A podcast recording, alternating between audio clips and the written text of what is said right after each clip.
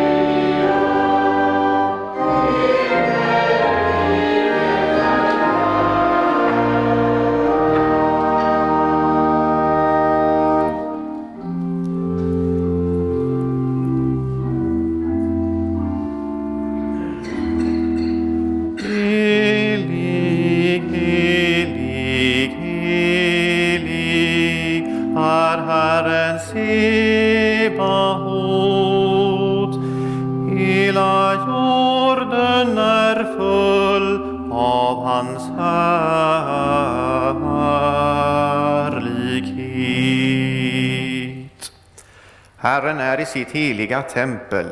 Hans tron är i himmelen, men han är också nära dem som är ödmjuka och ångerfulla. Han hör deras bekännelse och vänder sig till deras bön. Låt oss därför med frimodighet komma inför honom och bedja om förlåtelse.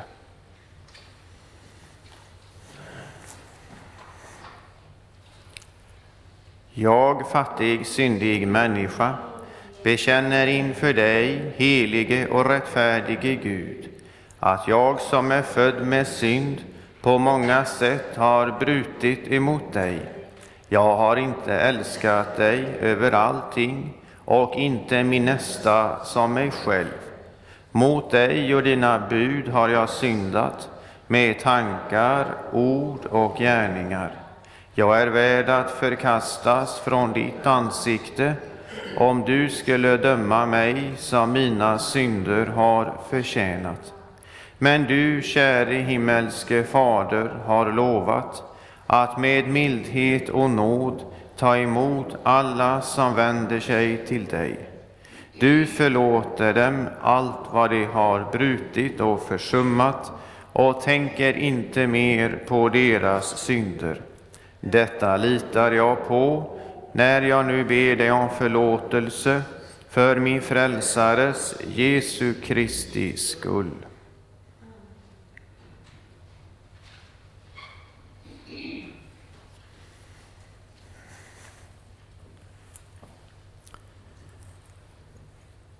Till dig som ber om dina synders förlåtelse säger jag på Jesu Kristi uppdrag.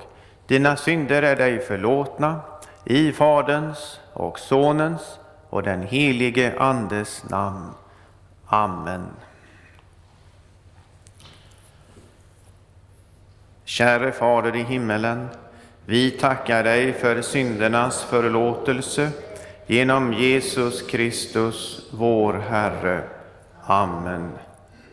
Helige Herre Gud, helige starke Gud, helige barmhärtige frälsare, du evige Gud, förbarma dig över oss. Amen.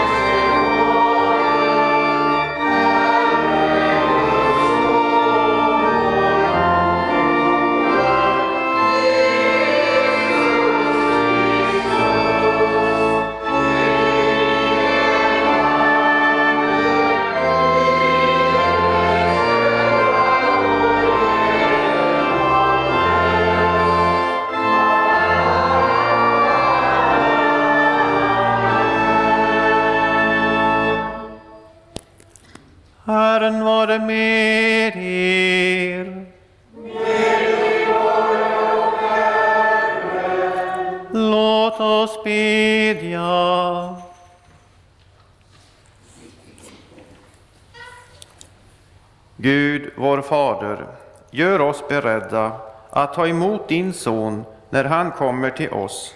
Hjälp oss att bryta upp och skynda honom till mötes och tjäna dig i hans heliga namn. Genom Jesus Kristus, vår Herre. Amen. Vi ska nu lyssna till Herrens ord ifrån den andra årgångens läsningar och det är först från profeten Joels bok, det andra kapitlet, och det är två versar. Så säger Herren, jag ska låta tecken synas på himlen och på jorden, blod, eld och rökpelare. Solen ska vändas i mörker och månen i blod innan Herrens dag kommer, den stora och fruktansvärda. Och då ska det ske att var och en som åkallar Herrens namn skall bli frälst.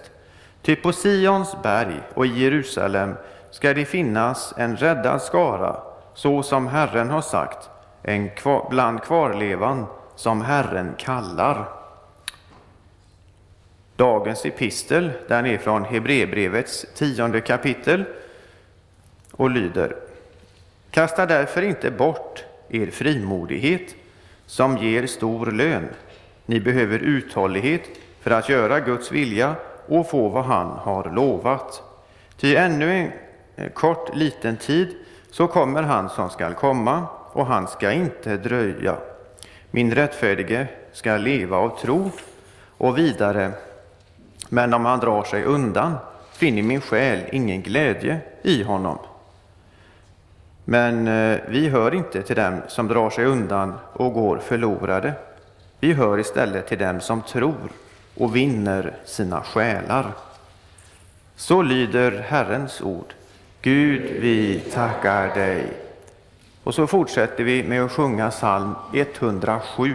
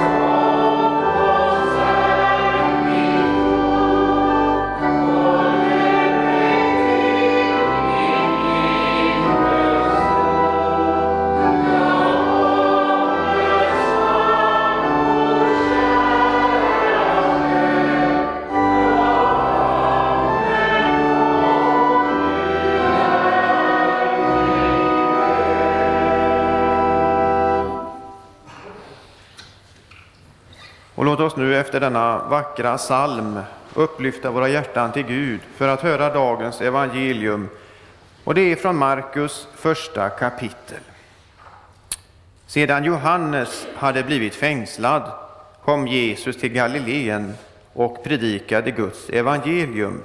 Han sade, tiden är fullbordad och Guds rike är nu här. Omvänd er och tro evangelium. Så lyder det heliga evangeliet. Lovad vare du, Kristus. Och låt oss nu högt och gemensamt bekänna vår kristna tro. Vi tror på Gud Fader allsmäktig, himmelens och jordens skapare. Vi tror också på Jesus Kristus, hans enfödde Son, vår Herre, vilken är avlad av den helige Ande, född av jungfru Maria, pinad under Pontius Pilatus, korsfäst, död och begraven, nederstigen till dödsriket, på tredje dagen uppstånden igen ifrån de döda, uppstigen till himmelen, sittande på allsmäktig Gud Faders högra sida, därifrån igenkommande till att döma levande och döda. Vi tror och på den helige Ande, en helig allmännelig kyrka, det heliga samfund, syndernas förlåtelse, de dödas uppståndelse och ett evigt liv. Så sjunger vi psalm 36.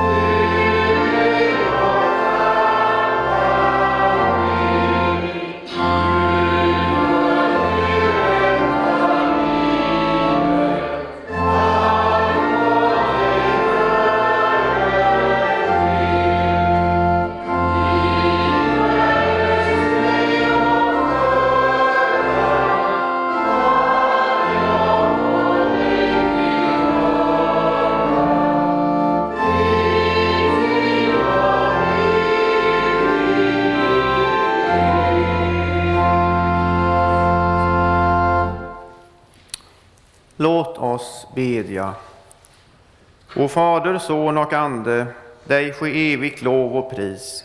Ack öppna och en gång för mig din himmels paradis. Ja, när jag fast i tronen står, jag av din hand min krona får. O Herre Sebaot. Amen.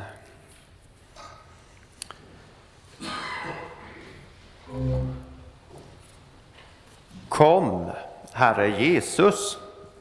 Uppenbarelseboken 22, vers 20. Ja, dessa ord är bland det sista vi har i vår bibel. Det är alldeles i slutet som vi hör denna uppmaning, och det är en bön.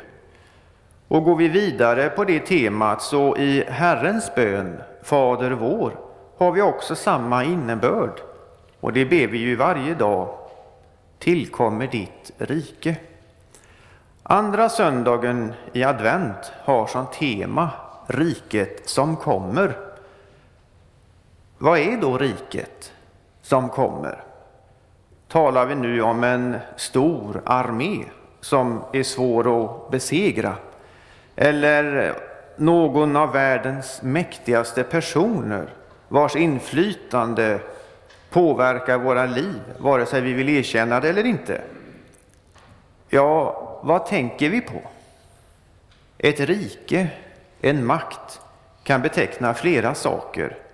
Men som kristna, då ska vi komma ihåg att på tredje dagen, då uppstod Kristus och gick levande ur graven. Han är den nye Adam.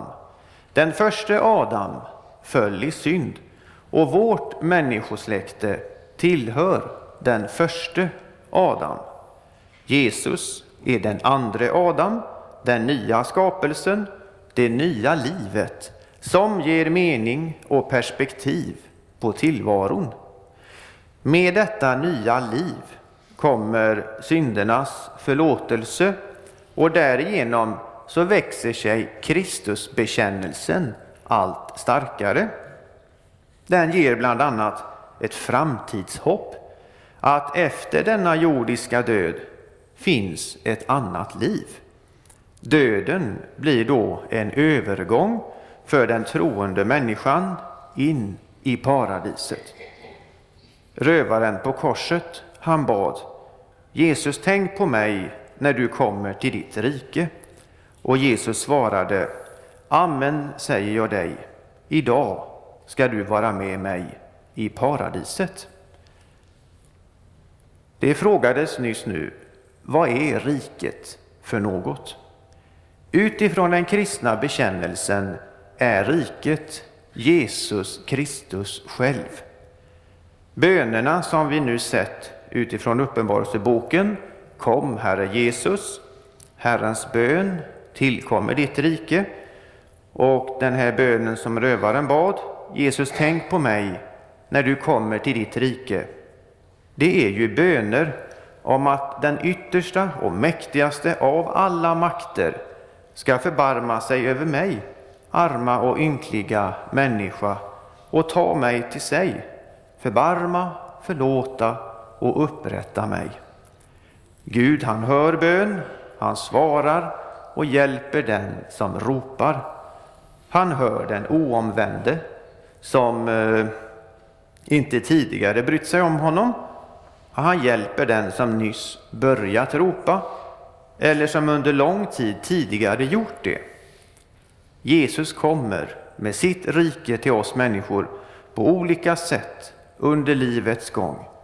Men vi behöver börja eller fortsätta att bedja om riket, att Jesus Kristus ska få komma med sitt rike i mitt och våra liv, i sin församling och kyrka och i sin mission.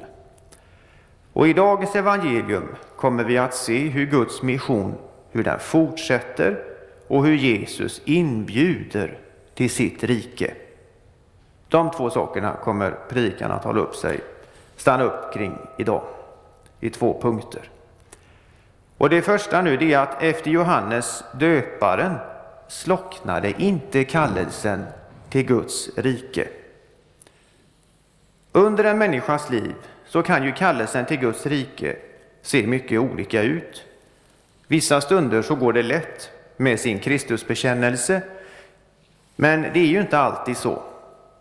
Det kan komma situationer då det nästan blir nattsvart, en total krock och Jesus med sitt rike tycks vara som borta och man står där ensam. Man upplever att man är helt ensam. Men en människa eller en Jesu lärjunge är inte ensam. Även om mörkret hopar sig så lyser ljuset i mörkret och mörkret har inte övervunnit det. En människas känslor och upplevelser däremot, det kan göra ganska mycket med oss. Men i dessa stunder, då får man sätta sig ner, läsa Guds ord och bedja tillkommer ditt rike. I dagens evangelietext så hade vi en sådan mörk händelse. Alla kanske inte tänkte på det, men orden började sedan Johannes hade blivit fängslad. Det var ju så att Israel var ockuperat av Rom och det märktes med alla dessa soldater. Ingen kunde ju undvika hur det fanns något som egentligen inte skulle vara där. Vidare fanns det synagogor runt om i landet, likt våra medeltida kyrkor. Och där fick ju folk höra från Herrens ord, det vi har som Gamla testamentet. Och där i läste man bland annat om profeter, löften om en befriare, en frälsare. Sedan så kommer det en man klädd i kamelhår, bodde i det vilda, åt vildhonung och gräshoppor. Och så kommer han fram och så ropar han Omvänd er, ty himmelriket är nära. Och vidare började han döpa folk, göra dem beredda på att riket var i antågande. Och detta blev så stort så att mer eller mindre alla talade om detta, eller åtminstone hört andra berätta. Det blev en väckelse. Mannen i kamelhår och läderbälte om livet var Johannes döparen. Han var sänd av Gud och talade på Guds vägnar. Det var med en sådan makt och myndighet så folk blev berörda i sina samveten. De skulle möta Gud och då gick det inte an att komma bärande på vad som helst. Parallellt med att folk lät döpa sig gav också detta hopp åt den enskilde, men också åt Israel som helhet. Gud har inte glömt oss. Här finns en profet, en sann profet som talar å Guds vägnar. Ja, det var just det Johannes döparen var. En som talade Guds ord till alla, inte bara det som kom ut och lät döpa sig av honom. Och innan vi går vidare så ska vi bara förtydliga en sak då. Och vi kan tänka på vår svenska historia, på vår kungasläkt. Där har vi återkommande namn som Karl eller Gustav. Och går vi nu tillbaka till texten, så, eller eh, vår bibelberättelse, när Jesus föds så, hörs, så hör vi om Herodes. Men på Jesu tid som vuxen då har de namnen flyttat över till hans ättlingar. Johannes döparen, han hade kommenterat Herodes Antipas som regerade över Galileen och Peren och sagt det är inte tillåtet för dig att ha henne. Herodes Antipas hade tagit sin bror Filippus hustru Herodias och han levde med henne nu. Och det påpekandet, det var inte uppskattat från Herodias sida. Synden kan alltså bli så stark i en människas liv så att man ser rött, ja till och med önskar död, för att Guds röst uppmanar till omvändelse och bättring. Och om nu kristendomen bara är hokus pokus, varför reagerar då människor på detta sätt?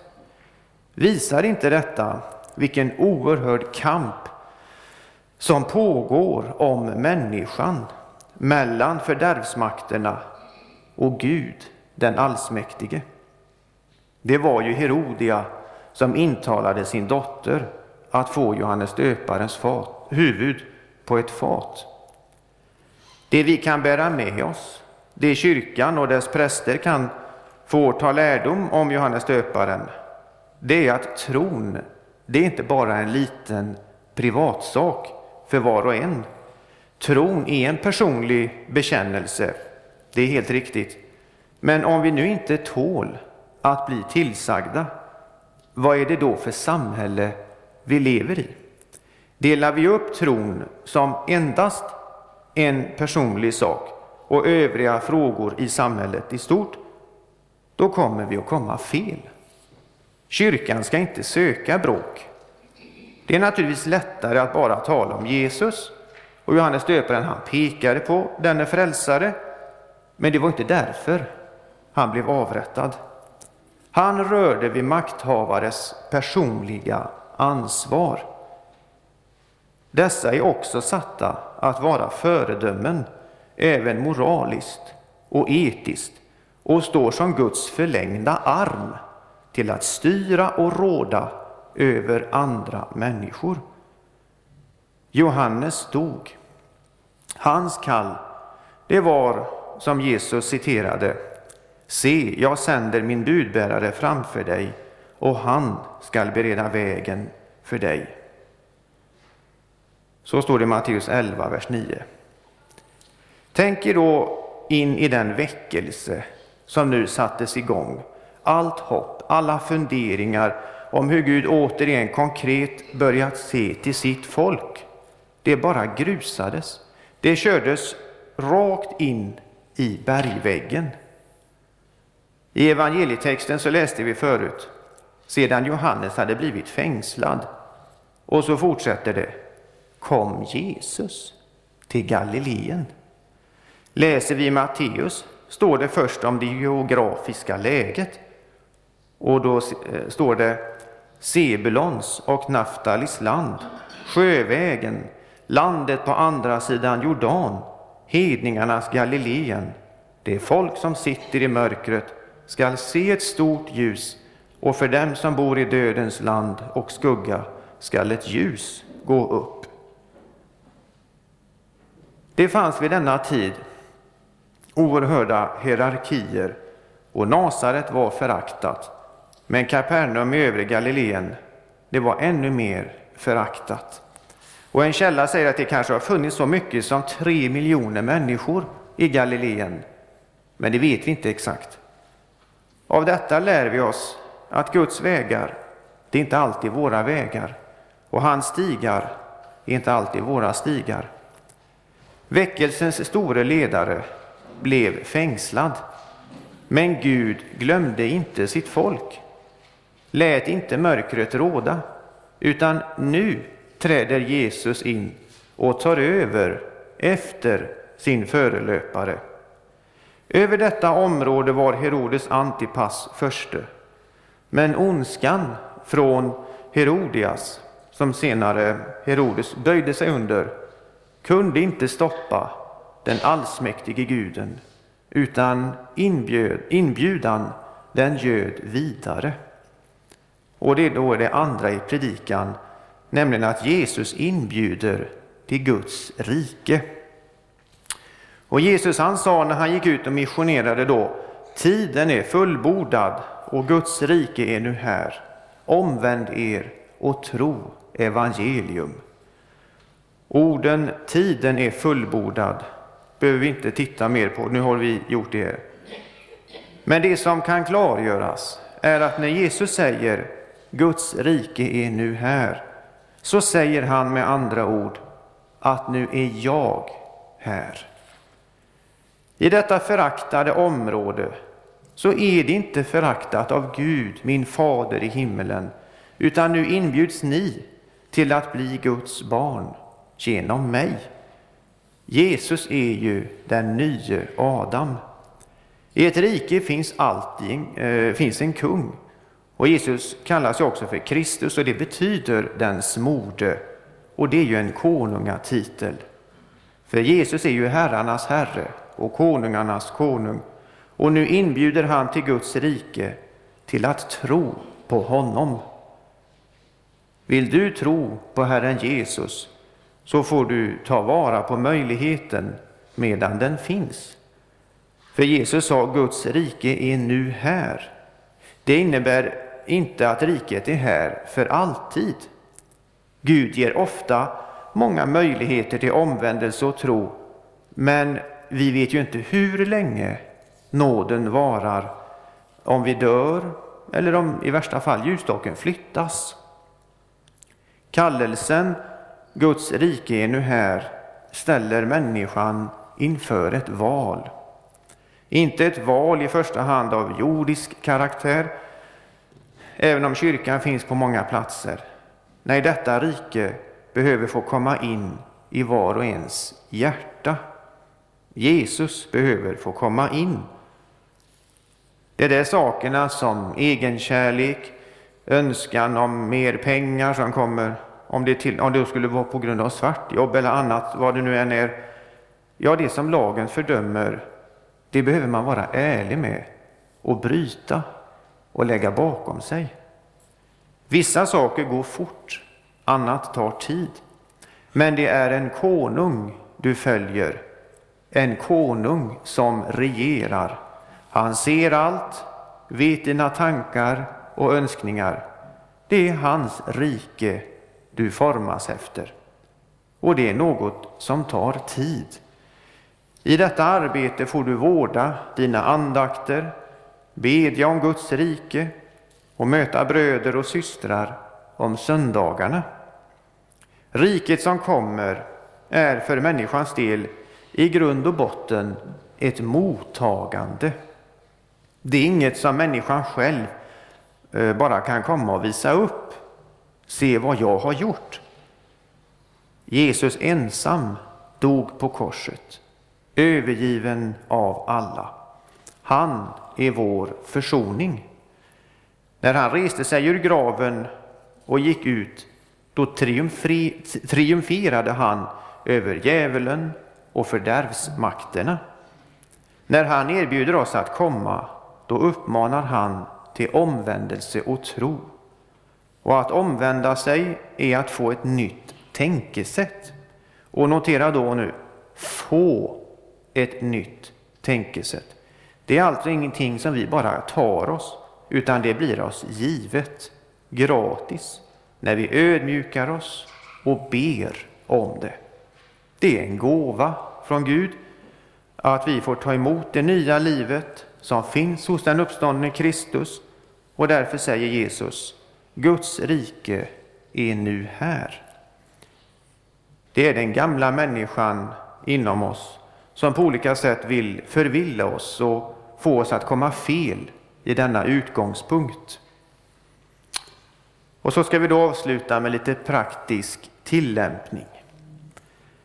Du som nu lyssnar till detta för första gången, kanske bara sett en kyrkobyggnad eller varit på en begravning eller skolavslutning.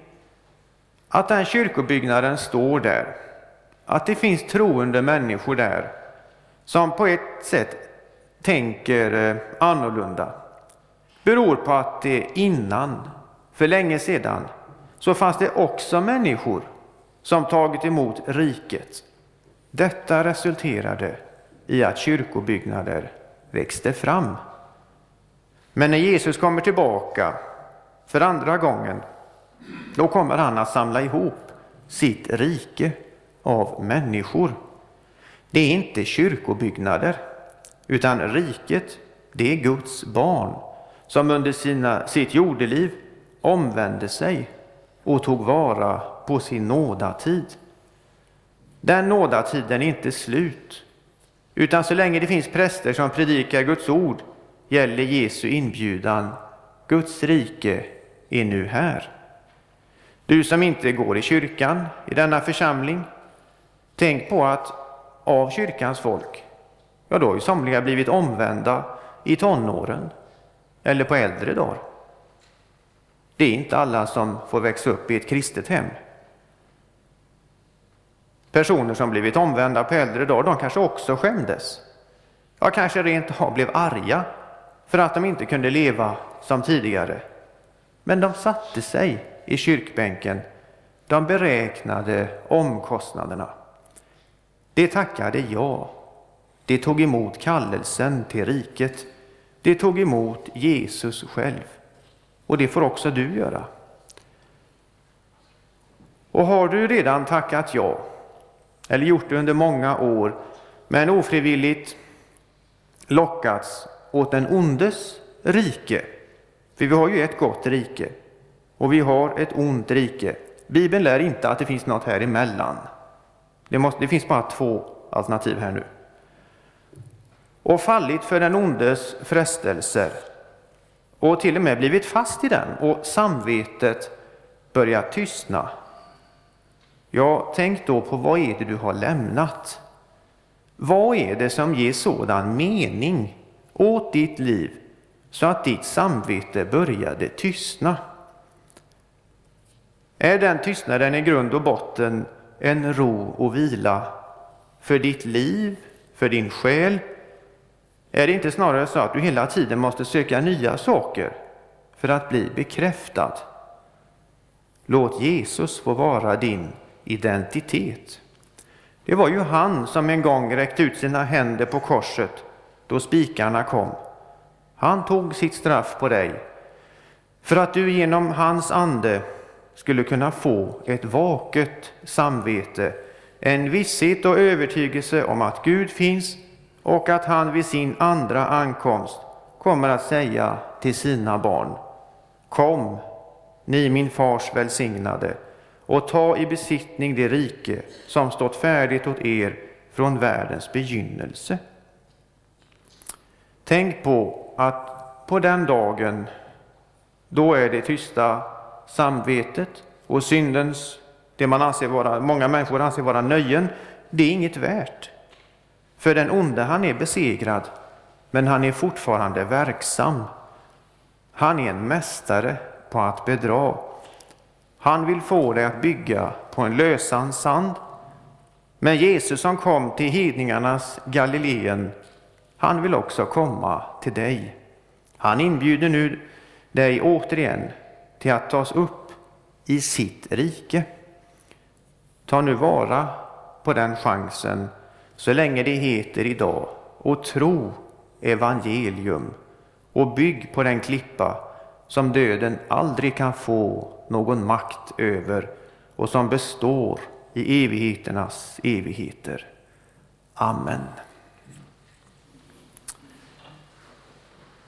Lovad vare Gud och välsignad i evighet, som med sitt ord tröstar, lär, förmanar och varnar oss. Helige Ande, skriv ordet i våra hjärtan så att vi inte blir glömska hörare, utan varje dag växer till i tro, hopp, kärlek och tålamod in till tidens slut och blir saliga. Genom Jesus Kristus, vår Herre. Amen. Och innan vi sjunger psalm 228 så säger vi till sist Må hoppets Gud uppfylla er med all glädje och frid i tron så att ni överflödar i hoppet genom den helige Andes kraft. Amen.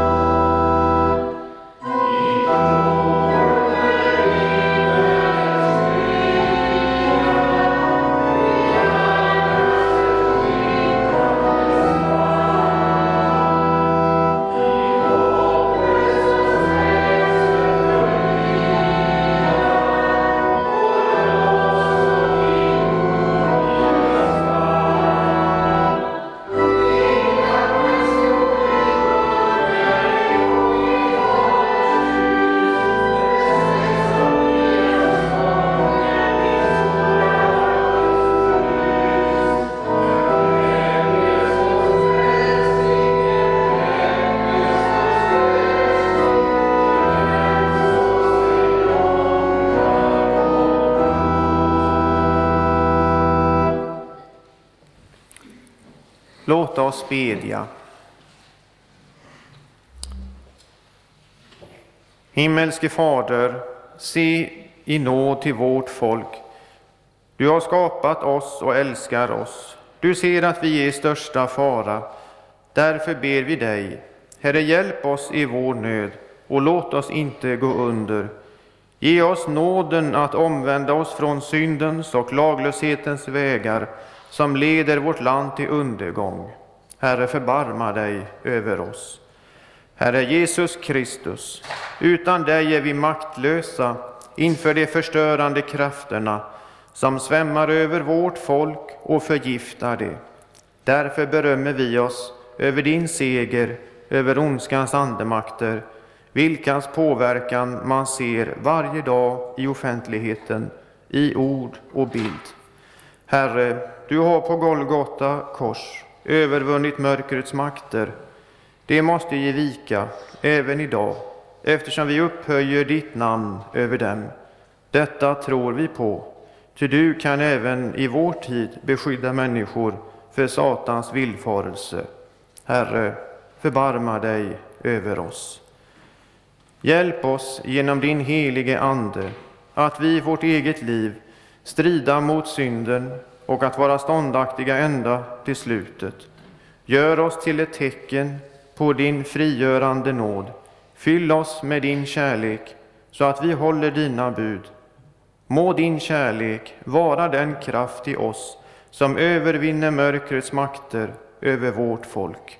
Herre Jesus Kristus, allt förmår vi dig, det tror vi på. Förbarma dig över oss. Amen. Fader vår som är i himmelen. Helgat varde ditt namn. Tillkommer ditt rike. Ske din vilja så som i himmelen, så och på jorden.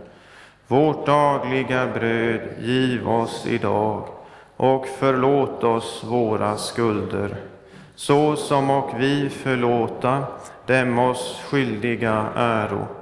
Och inled oss inte i frestelse, utan fräls oss ifrån ondo. Ty riket är ditt och makten och härligheten i evighet. Amen.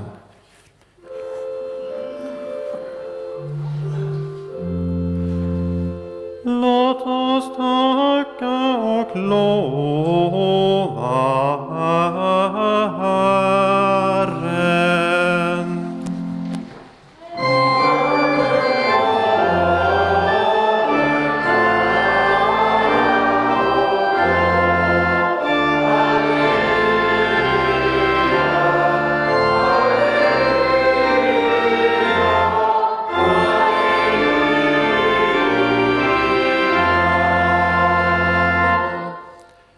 Tag emot Herrens välsignelse. Herren välsigne er och bevare er. Herren låte sitt ansikte lysa över er och vare er nådig. Herren vände sitt ansikte till er och give er frid. I Faderns och Sonens och den helige Andes namn.